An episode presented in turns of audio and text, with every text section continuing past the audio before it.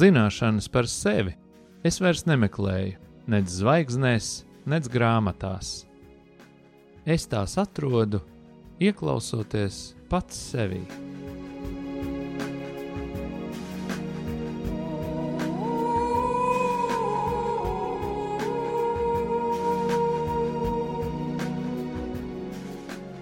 Raidījums Mīlestības terapija top mīlestības mājai, sadarbojoties ar profesionālo pastorālās konsultēšanas asociāciju. Sarunas par sevi, dzīvi, psiholoģiju un dvēseles terapiju.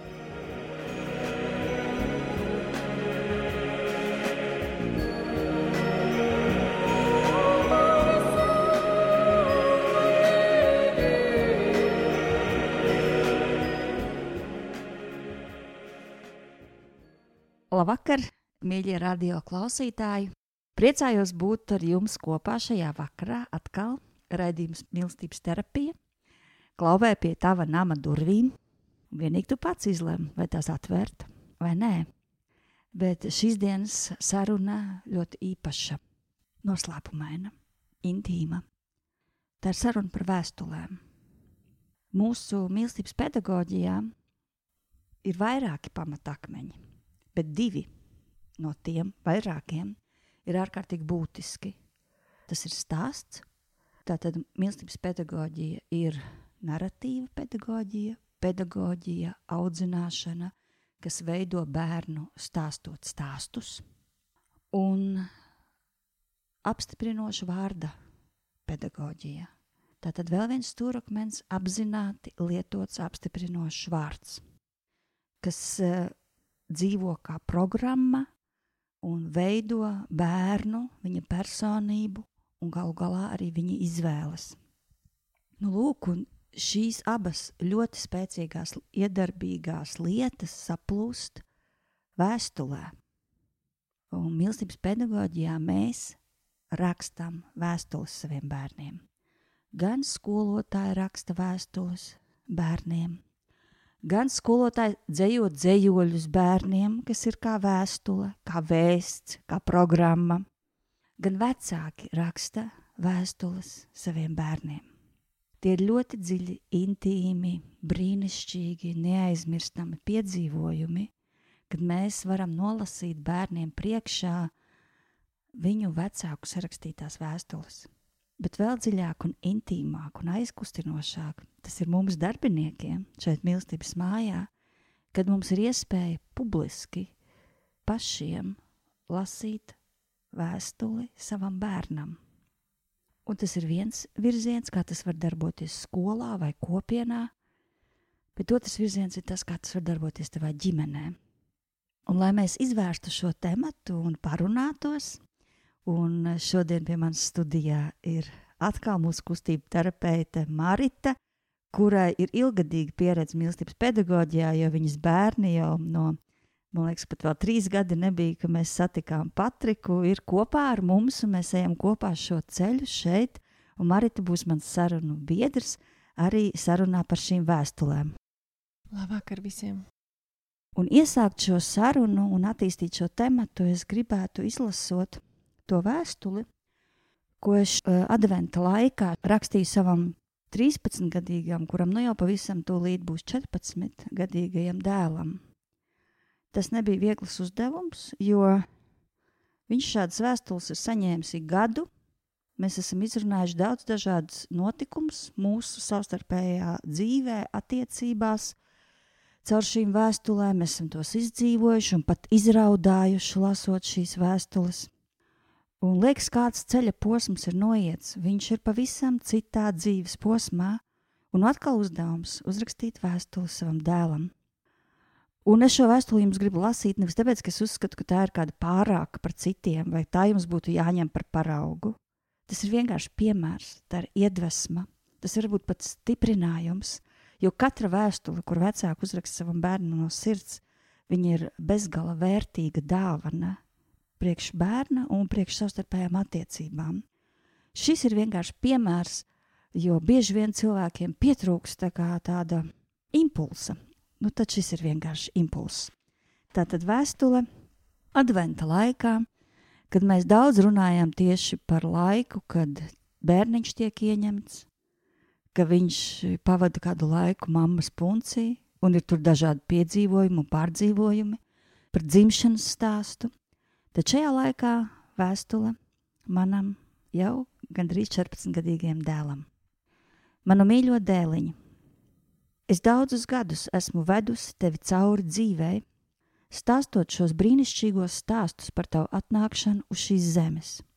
Tu esi saņēmis dziedinājumu tai nebūtības brūcei, kura radās laikā, kad tumšie spēki gribēja, lai tu neesi, bet tu esi.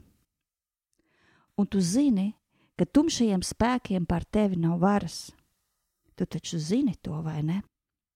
Šajā reizē es gribētu parunāt ar tevi par to piedzimšanu, kas tevī notiek šobrīd. Tu dzimsti kā jauns vīrietis, un tu bieži man uzdod jautājumu, vai es tev patīku? Tu man ļoti patīc, es vienmēr atbildu, un tā ir taisnība. Man patīk tavs sirds tā ir liela un laba. Man patīk tava mīlestība pret mazajiem bērniem. Man patika, kā tu palīdzēji brālim apgūt solfeģo. Tavas sirds ir tavas veiksmes atslēga dēliņa. Kā lai šajā skarbajā laikmetā, kurā notiek tik sīva cīņa par katru sirdi, īpaši vīrišķo, kā lai tu dēliņš šajās cīņās kas ir tavā priekšā, saglabā dzīvu un atvērtu sirdi. Tad, kad es gaidīju tevi, man patika pastaigāties, un es gāju gar upi uz tādu lielu pontonu tiltu, kas veda ļaudis pāri mēmels upē. Tur stāvot uz šī tilta, es iztēlojos sarunu ar tevi, kad izaugsi liels. Tas bija tāds kā sapnis, kur izsapņoja nomodā. Un šajā sapnī tu man stāstīji par savu aicinājumu. Un šajā sapnī es tev teicu vārdus, kurus labprāt saku tev arī šodien. Lai kādu ceļu tu izvēlētos, ej to, kuru sirds tev liek iet. Lai kādu ceļu sirds tev liktu iet, ej to no visas sirds. Lai kur tu ietu un lai ko tu darītu, dari to mīlot. Esi karavīrs mīlestības armijā un nekad nenodod savu sirdi. Tava māmiņa. Viņam patika šī vēstule. Viņš man pēc tam to dalījās, kad eh, tā ir īpaša dāvana man rakstīt vēstules, ka viņam šīs vēstules ir ļoti dārgas un ka šie vārdi paliek ierakstīti viņa sirdī. Un es domāju, es esmu pārliecināta, es zinu, es ticu, ka šie vārdi veido šo jaunā vīrieša dzīvi, kad tie dara viņa sirdi bagātu. Un šī saruna šodien par vēstulēm ir, kāpēc gan mums turēt sveci zem pūra? Un cik daudz vārdus mēs noklusējam, nodomājam, bet nepasakām. Un cik daudz vārdus mēs apmainām pret negatīviem vārdiem, pret ļauniem vārdiem.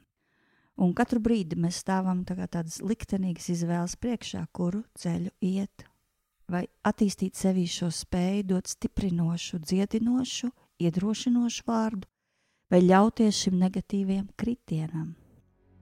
May it be an evening star, shines down upon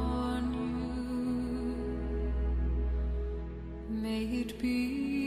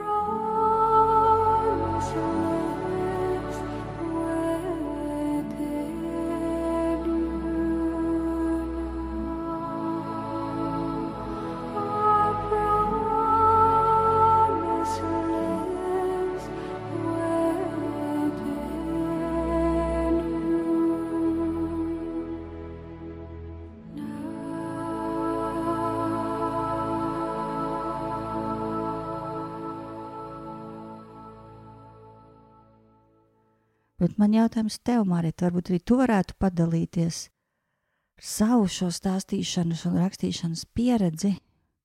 Kāpēc tieši rakstīt? Nu, var taču pateikt, kāpēc tieši rakstīt? Jā, Ines, klausoties šo tavu vēstuli, un tiešām sirds tik ļoti aizkustināta, jo es patiesībā tajā sadzirdēju un ieraudzīju, ka tā vēstules rakstīšana, ka tas nav tādam katru gadu es atražoju vienu un to pašu un atstāstu visu laiku vienu un to pašu dzirdēto stāstu, bet kad patiesībā ja to dara no sirds, ka tas var iet dziļumā un ka tas tiešām, kad var ienest jaunu, kā jaunu skatu tajā arī tas, kas ir stāsts, kas jau it kā ir dzirdēts, bet ka tā kā pārvēršot un viņu pienesot arī bērnam, kurš pieauga savādākā veidā. Jo mana šī stāstu pieredze ar maniem trim bērniem mazliet nāk īsāks periods, tomēr, un tā kā vēl un ir brīnišķīgi, ka šeit mīlestības mājā arī šie stāsti tiek vecāki mudināti dalīt trijās daļās, kad kā es uzzināju, kad bērniņš ir ieņemts, kā es par tevi uzzināju, tad kāds bija šis gaidību laiks un kā tieši tu piedzimi. Un tad var izvēlēties katru gadu arī par kuru no šiem kā, trīs daļām stāstīt. Un tas ļauj to stāstu katru gadu neatkārtot, bet iedziļināties vairāk katrā no šīm sadaļām. Un, un ko es patiesībā ļoti piedzīvoju šogad, kad man bija viegli rakstīt vecākajam dēlam, jo tas mums pirmais bērns, mēs viņu ļoti gaidījām, un tur viss ļoti daudz ko skaidri atceros. Un tad, kad man bija jāraksta meitiņai vēstule, kas mums ir otrais bērniņš, par gaidību laiku, un es sapratu, es tik maz atceros, jo mums tajā laikā bija jau dēls ģimenē, un viņam bija savas, sava veida grūtības, kas ļoti daudz no mana prāta un manām rūpēm aizņēma, un es uh, zinu, ka viss bija labi, bet man bija tik maz nianses, kas palikušas prātā no šī laika, un liekas, ārprāts. Tā kā tāda vainas sajūta pret meitu, kā tā. Un tad mēs runājam ar vīru, un es saku, kas notika tad, kad mēs gaidījām meitiņu mūsu? Un tad pamazām nāk šie at, atmiņas, nāk, un es saprotu, ah, nē, bija šis, mēs piedzīvojām šo, mēs piedzīvojām to. Un tas patiesībā arī priekš manis, un arī priekš viņas ir gan atgādinājums, gan tās apstiprinājums, nē, jā, es varbūt nebiju tik ļoti tev pievērsta, tāpēc, ka nu, tā ir, ja ģimene tas ir, nav vairs pirmais bērniņš, nu tā uzmanība sadalās, gribot, negribot, bet arī tajā visā tomēr bija mūsu īpašie mirkļi, un arī priekš manis pašas tā kā to atcerēties un uzsvērt, tas ir ļoti dziedinoši, ļoti atbrīvojoši, kad nē, ka tomēr tev tajā visā stāstā bija sava īpaša vieta. Un tad, kad es rakstīju vēstuli tam trešajam dēliņam, kuru gaidību laiks bija vissmagākais no visiem, eh, tieši dēļ tiem notikumiem, kuros es biju tajā brīdī. Un man liekas, kā lai to visu uzraksta, kā lai to vispār raksta, Viņam ir skaidrs, ka viņš savos nepilnos trijos gados to visu nevar uztvert, bet tā sajūta priekš manis pašas atkal atgriezties tajā laikā, jo notikumi iet tik strauji uz priekšu, bērns piedzimst, ir rūpes, un tas pārklājas, noliekas, un liekas, tas vairs nav aktuāli. Bet tad, kad es tieši rakstīju to vēstuli, es saprotu, es atgriežos atkal tajos notikumos, es saprotu, ah, bija grūti, bija baigi grūti. Bet tajā rakstīšanas procesā man paliek vieglāk, es norakstu to nost. Es saprotu, bija tā, un tad es meklēju, kur bija tās saliņas, kas man palīdzēja, un kur mēs tagad esam. Es skatos uz to bērnu, un es atkal un atkal pārliecinos, cik labi, ka tu esi un ka tu esi tagad, un ka tu esi tieši šajā momentā. Laikam šis ir tas iemesls, eh, kāpēc mēs rakstām šīs adventa laika vēstules, lai tad, kad ir labi, lai mēs priecātos par to, ka ir labi, lai mēs visi gavilētu par to, ka tu esi. Ja ir brīnišķīgs ieņemšanas stāsts, ja ir brīnišķīgs gaidīšanas stāsts, ja ir lielisks dzimšanas stāsts, fantastiski. Tas ir iemesls, lai to svinētu, lai to priecātos, ja mēs īstenībā svinam cilvēka dzīvi, viņa būšanu un apstiprinām viņu. Un tā nekad nav pa daudz. Bet šādu brīnišķīgu stāstu procentuāli ir krietni mazāk. Nav man tādu statistikas datu, bet varētu pameklēt. Bet noteikti ir krietni mazāk. Un tikai mūsu mazajā saujiņā, šeit, mīlestības mājā, kas mēs esam, varētu apmēram teikt, ka daži procenti ir šie brīnišķīgie stāsti. Katrs pārdzīvo kādu grūtību, kādu salūzumu, kādu, nu, kādas šaubas, kādas bailes. Un galu galā, ja mēs runājam par Mariju un, un, un Jāzepu, tur jau arī bija sarežģīts stāsts. Tur nebija tas jau svētajos rakstos ir aprakstīts, ka nevienmēr viss ir tik vienkārši un brīnišķīgi. Ciešanas pavada mīlestību. Bet tas, kāpēc mēs rakstām šīs vēstules bērniem, lai dalītu ar viņiem šo ciešanu stāstu, viņiem saprotamā veidā, un aizvērtu durvis, kuras varētu izmantot tumsa, un kā, nākt un e, stāstīt melus viņiem par viņiem, kuriem viņi varētu noticēt. Piemēram, ja es negribēju kādu laiku savu bērnu, nevis negribēju, bet šaubījos, nevarēju pieņemt, varbūt arī negribēju savu bērnu. Bet vienā brīdī es pateicu, jā, nu, tas bija mans ceļš, mammas ceļš. Bet tajā negribēšanas laikā šis bērns bija dzīves. Un šis bija tumsas apvīts laiks. Un, eh, jā, tā tas bija, un mēs to varam nolikt plauktiņā, un šis mazais bērns visu dzīvi var justies kā negribēts, pateicoties kaut kādiem diviem vai trim mēnešiem, kuros tu šaubies. Bet mūsu mīlestības eh, pedagoģija ir terapeitiska pedagoģija, tā ir transformējoša pedagoģija, tā ir cilvēka likteni stiprinoša pedagoģija, tā ir pedagoģija, kas ceļ cilvēkā dieva bērna statusu godā. Un tādēļ mēs eh, tādā tēlainā, skaistā veidā stāstam bērniem par šiem sāpīgiem notikumiem. Nevis tāpēc, lai grimtu ciešanās, bet tāpēc, lai pateiktu, jā, tā bija tā kā tu tagad teici, brīnišķīgi. Jā, tā bija. Bet šodien ir pienācis laiks mums paraudāt, noslaucīt asaras un iet tālāk. Jo tas ir kolosāli, ka tu esi. Tas ir labi, ka mēs izgājām šīm grūtībām cauri. Pateicoties, jā, bija grūti, bet tu esi. Un tā ir liela bagātība. Mēs varam skatīties viens otram acīs, un mēs varam aiztaisīt šīs nu, iespēju tumsai atstāt savus tādus netīros, programmiskos nospiedumus, ka tu neesi vērtīgs, tu neesi svarīgs, tev nekas nesanāks, tu vari darīt, ko tu gribi, tevi pavada neveiksme. Un vis, mūsu ļoti pazīstamās programmas, kurās mēs paši dzīvojam, caur šo vienkāršo vēstuli mēs šo programmu laužam. Un mēs bērnam sakam, jā, tas bija. Jā, tev ir jāzina tā realitāte, bet mēs to laužam. Tu esi kolosāls, tu esi brīnišķīgs, tu esi vērtīgs, tu esi svarīgs, tu esi veiksminieks. Un es tev ticu, un tas ir svarīgi, ka mēs ejam šo ceļu kopā. Tā ir mūsu bagātība, un tas padziļina kontaktu. Tas sniedz bērnam ļoti nepieciešamo apstiprinājumu un padziļina kontaktu.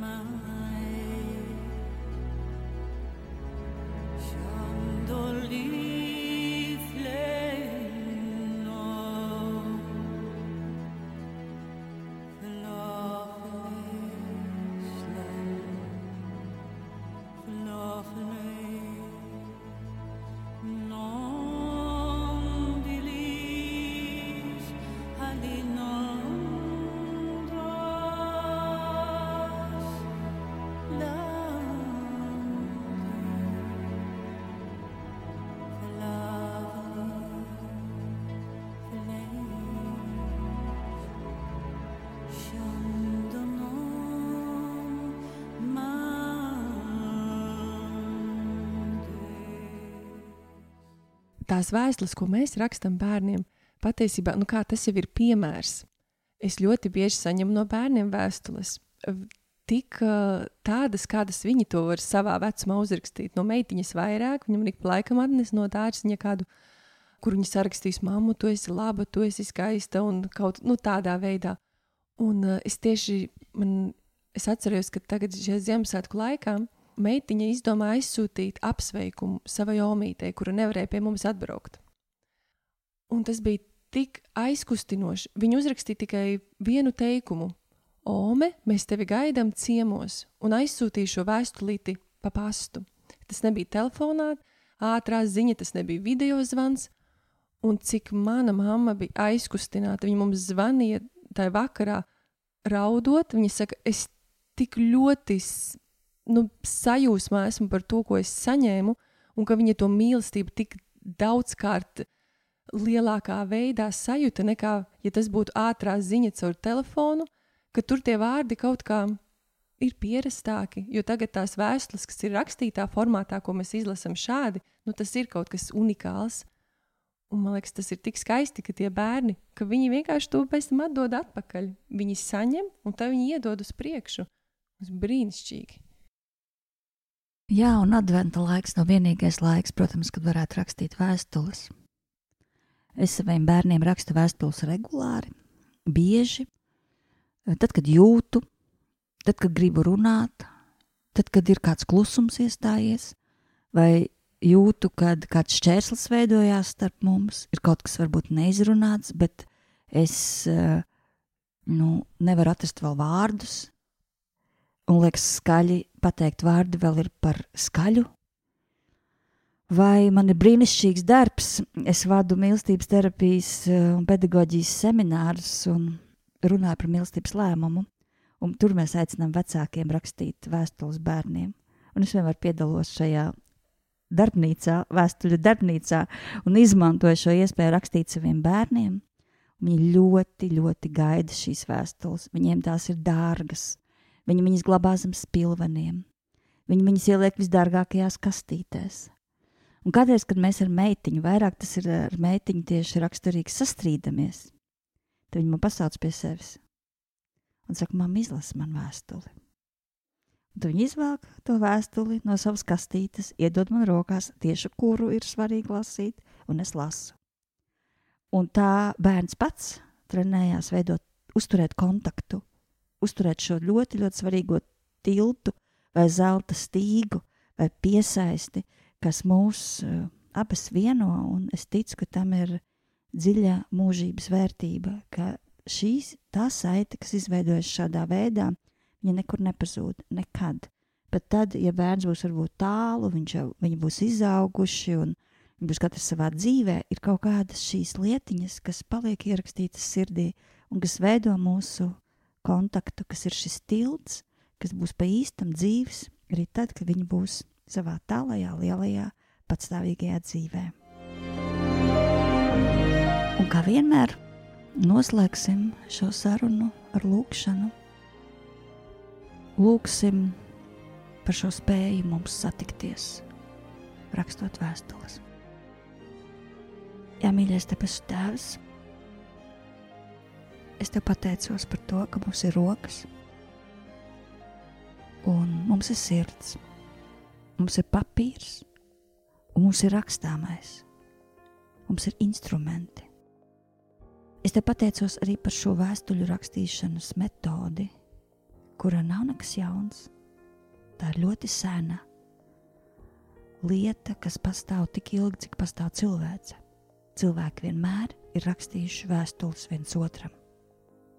Palīdzi mums, Kungs, kļūt atkal dzīviem šajā. Palīdzi mums nonākt kontaktā ar savu sirdi, lai tos vārdus, kurus mēs varbūt ikdienā nepasakām, mēs varam uzrakstīt. Lai tos vārdus, kurus mēs ikdienā pasakām, mēs arī varam uzrakstīt, jo uzrakstītam vārdam ir ilgtermiņā spēlējoša nozīme uzrakstītu vārdu var izlasīt pēc gadiem. Palīdz, kungs, mums sadzirdēt savā sirdī tieši to verbālo programmu, kas ir vajadzīga mūsu bērniem par stiprinājumu. Ka mēs spējam to noformulēt, uzrakstīt un dāvināt. Ka mēs spējam to dot. Atbrīvo mūs no jebkādas nabadzības, ka mēs šos vārdus aprokam zemē. Jēzus vārdā palīdz mums nākt ārā, celt gaismā gan šīs pozitīvās programmas, gan apstiprinošos vārdus, gan mīlestības apliecinājumus un dāvināt tos saviem bērniem, lai mūsu nams kļūst par mīlestības piepildītu vietu. Svētīt Tēvs mūs, svētīt šo satikšanos, svētīt šo rakstīšanas procesu un lasīšanas piedzīvojumu, svētīt katru ģimeni ar spēju šādā veidā noformulēt un stāstīt savus stāstus. Tu visu mēs lūdzam Dieva Tēva, Dēla un Svētā gara vārdā. Āmen!